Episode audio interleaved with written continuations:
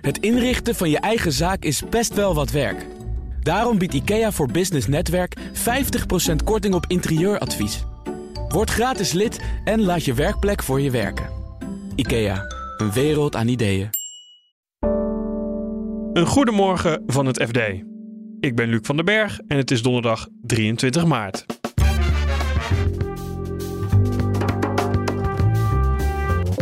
Beleggers willen van hun woning af vanwege de strengere verhuurregels. Dit ga ik niet meer doen.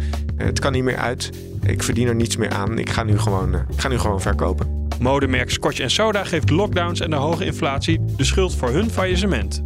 Maar wat bronnen ook aan ons vertelden, is dat het bedrijf eigenlijk een veel te grote broek heeft aangetrokken. En steeds meer Europese bedrijven verplaatsen hun beursnotering naar Wall Street. Ja, de economie is nogal onstuimig. De beurzen, de marktomstandigheden zijn erg onstuimig. Dus er gaan heel weinig bedrijven gaan naar de beurs toe. En dan zie je dus dat de beurzen onderling wat meer gaan concurreren om bestaande noteringen van elkaar af te snoepen. Dit is de dagkoers van het FD. Particuliere vastgoedbeleggers in de grote steden verkopen steeds vaker hun huurwoningen. Ze vrezen dat de huizen door nieuwe kabinetsplannen minder huur op gaan leveren. Je hoort woningmarktredacteur Erik van Rijn. Hij legt eerst uit om welke beleggers het precies gaat. Maar het zijn veel particuliere vastgoedbeleggers. En dan heb je eigenlijk, daar heb je ook nog weer allerlei gradaties in. Je hebt een paar mensen die hebben er bijvoorbeeld voor een pensioen twee of drie woningen er, erbij. eh, omdat ze een pensioen daarin hebben, ondernemers bijvoorbeeld. Eh, maar je hebt ook eh, ja, wat professionelere particuliere beleggers met, met enkele tientallen of honderden panden. Ja, en die zijn nu op dit moment heel erg goed aan het kijken van ja, kan ik met de huurregels die eraan komen, die woningen nog wel rendabel verhuren? En vaak is het antwoord nee, en dus verkopen ze nu. Nog even die nieuwe huurregels. Wat houden die ook weer in? We hebben nu de gereguleerde sector, de sociale huurwoningen en de vrije huursector. En daar komt straks een, eh, een derde sector bij, eigenlijk daartussenin, voor de middenhuurwoningen.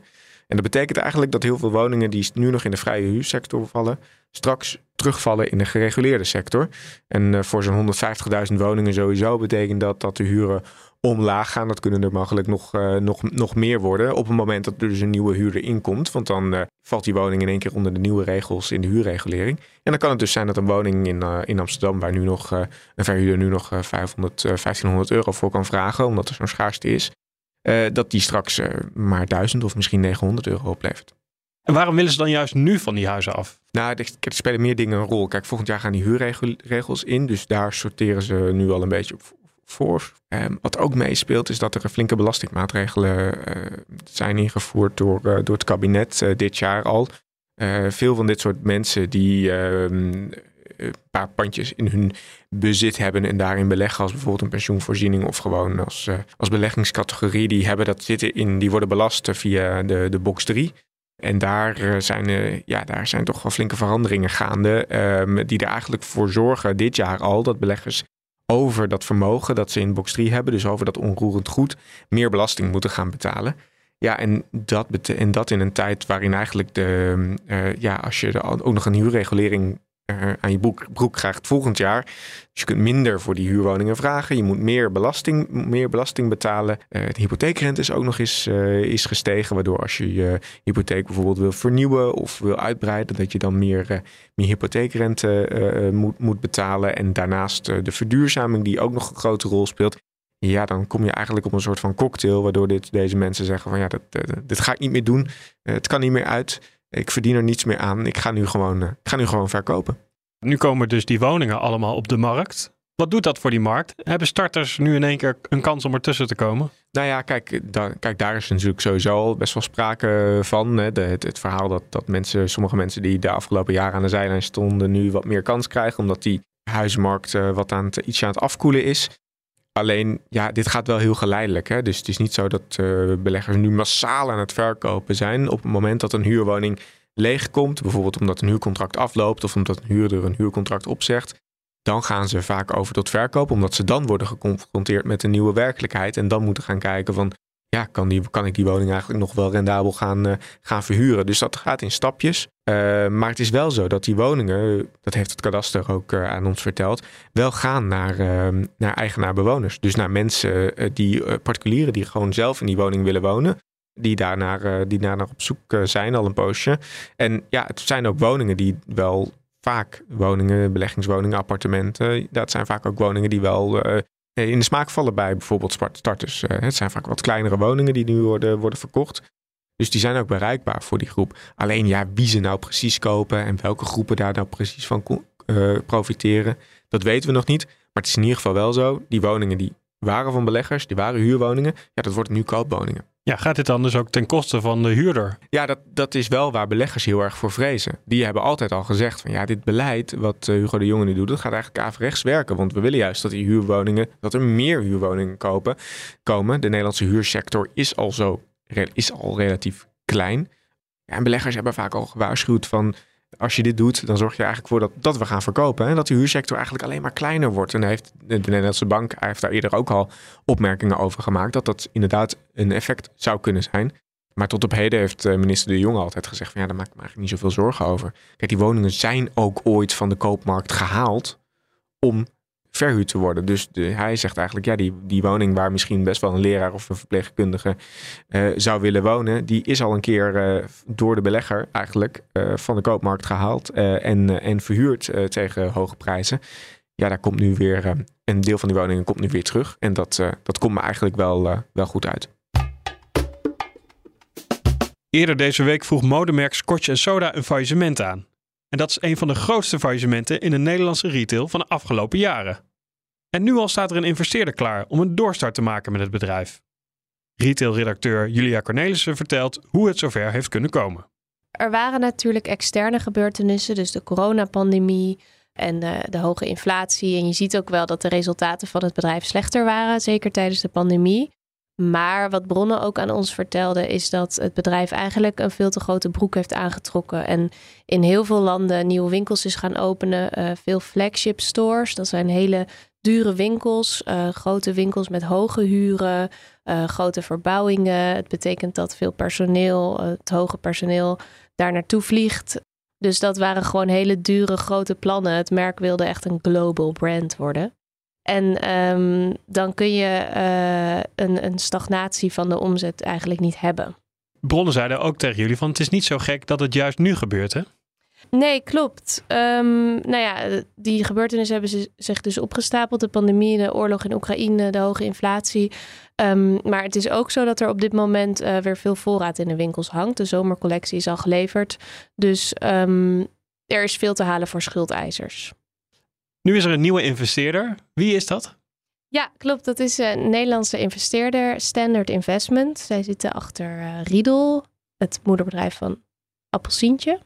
En uh, achter een aantal filialen van Burger King. En zij hebben ook retail-ervaring. Ze hebben namelijk uh, Sissy Boy, ook een winkelketen in handen gehad. Wat zal Standard Investment nu moeten doen om Scotch Soda dan weer op de rit te krijgen? Um, nou, ze willen wel door met veel winkels. En dus ook met de werknemers daar. En dat betekent dat ze wel zouden willen investeren in het merk. En dat is uh, op zich goed nieuws, bijvoorbeeld voor die werknemers. Want we kennen natuurlijk allemaal de verhalen ook over buitenlandse investeerders die aan boord komen en eigenlijk niet willen investeren in een merk, maar er vooral zelf veel uit willen halen. Um, dat zou bij deze partij anders kunnen zijn. Uh, ik denk niet dat ze verder willen gaan met winkels uh, op hele onlogische plekken. Want Scotch Soda heeft wel erg veel winkels geopend in erg veel landen. En uh, ja, daar heb ik wel mijn twijfels bij. Wat gebeurt er eigenlijk met die winkels in het buitenland? Um, ja, nou, het faillissement is alleen aangevraagd voor de Nederlandse winkels. 32 winkels zijn dat. Maar um, het is onwaarschijnlijk dat buitenlandse filialen verder kunnen zonder dat Nederland nog bestaat. Dus als Nederland geen doorstart zou maken, Scotch Soda Nederland, dan is het niet waarschijnlijk dat die winkels door kunnen. En Wall Street ontpopt zich als magneet voor Europese beursnoteringen. De afgelopen weken verplaatsten meerdere bedrijven hun beursnotering naar Amerika. En dat doet vooral pijn in Londen, het financiële hart van Europa. Correspondent in het Verenigd Koninkrijk Joost Dobber vertelt welke bedrijven de overstap al hebben gemaakt. Ja, we hebben een aantal aankondigingen gehad. Uh, ze zijn niet allemaal al, al overgestoken. Er is wel een Brits bedrijf uh, dat heet Ferguson. Dat is afgelopen jaren al overgestoken. Maar uh, de afgelopen tijd hebben we CRH, dat is een Ierse bouwonderneming die de oversteek maakt. we hebben in Duitsland, want het is niet alleen maar een Londens fenomeen, maar ook een Europees fenomeen. In Duitsland Linde, de industriële gigant die Frankfurt voor New York verruilt. Trouwens, Shell is ook, moeten we even noemen. Want Shell heeft serieus overwogen. Die gaan natuurlijk, die hebben voor Londen gekozen. Maar Amerika, de VS, was een, was een serieuze optie. Het is uiteindelijk niet gebeurd. maar voor de Britten, de, de aankondiging die echt pijn doet, is ARM. Dat is een Brits chipbedrijf. Dat is eigendom van Softbank, een Japanse, Japanse megabedrijf. Maar die brengen het naar de beurs. En er was de Britse regering erg veel aan gelegen om dat naar Londen te, te, te halen. Uh, onder meer premier Rishi Sunak heeft persoonlijke poging ondernomen. Maar het mocht niet baten, want Softbank gaat naar New York toe. En waarom doen ze dat? Waarom gaan die bedrijven allemaal richting, richting Amerika met een beursnotering? Uh, nou ja, de beurs van beurzen van New York, de Nasdaq en de New York Stock Exchange, hebben het grote voordeel dat de liquiditeit enorm veel beter is. De markten zijn veel dieper. Het is veel simpeler om aandelen te verhandelen zonder de koers in beweging te zetten. En dus ook goedkoper. Dat is een groot pluspunt. Ander groot pluspunt is dat de waarderingen in New York momenteel, nou ja, eigenlijk al heel lang veel hoger zijn. Maar nu is het gat met Europa wel erg groot. Uh, zeker het gat met Londen. Ja, maken ze zich daar echt zorgen ook om hun, nou ja, eigenlijk hun, hun status als, als financieel middelpunt? Uh, ja, je, je gebruikt het woord status. Dat is denk ik ook echt het juiste woord. Want in principe, ja, op het eerste gezicht maakt het niet eens zo heel veel uit waar een bedrijf genoteerd is. Maar status is wel heel erg belangrijk. En uh, er zit om die noteringen zit natuurlijk ook een hele industrie van zakenbankiers en uh, advocaten, et cetera. En nou ja, dan is de vrees dat als al die noteringen verdwijnen, misschien die uh, aanleunende industrie ook, ook eronder leidt.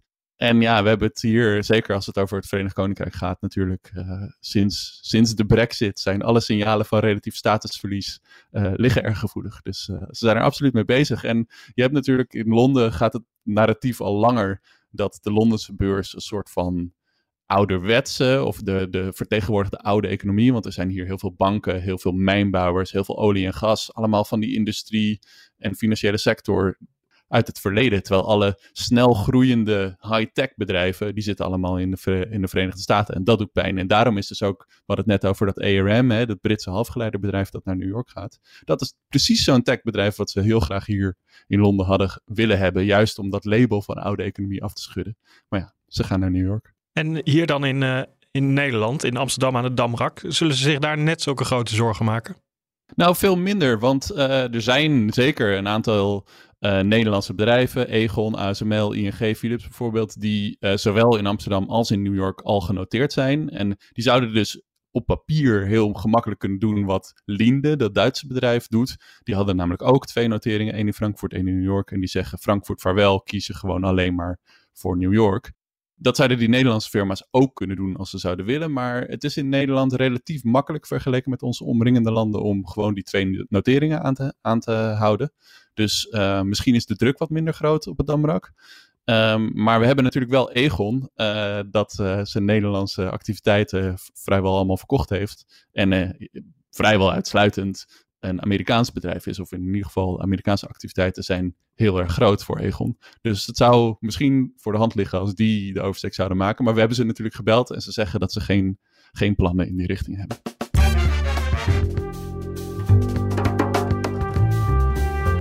Dit was de dagkoers van het FD. Morgen zijn we er weer met een nieuwe aflevering. En ondertussen lees je het laatste financieel-economische nieuws in onze app. Voor nu nog een hele fijne dag en graag tot morgen.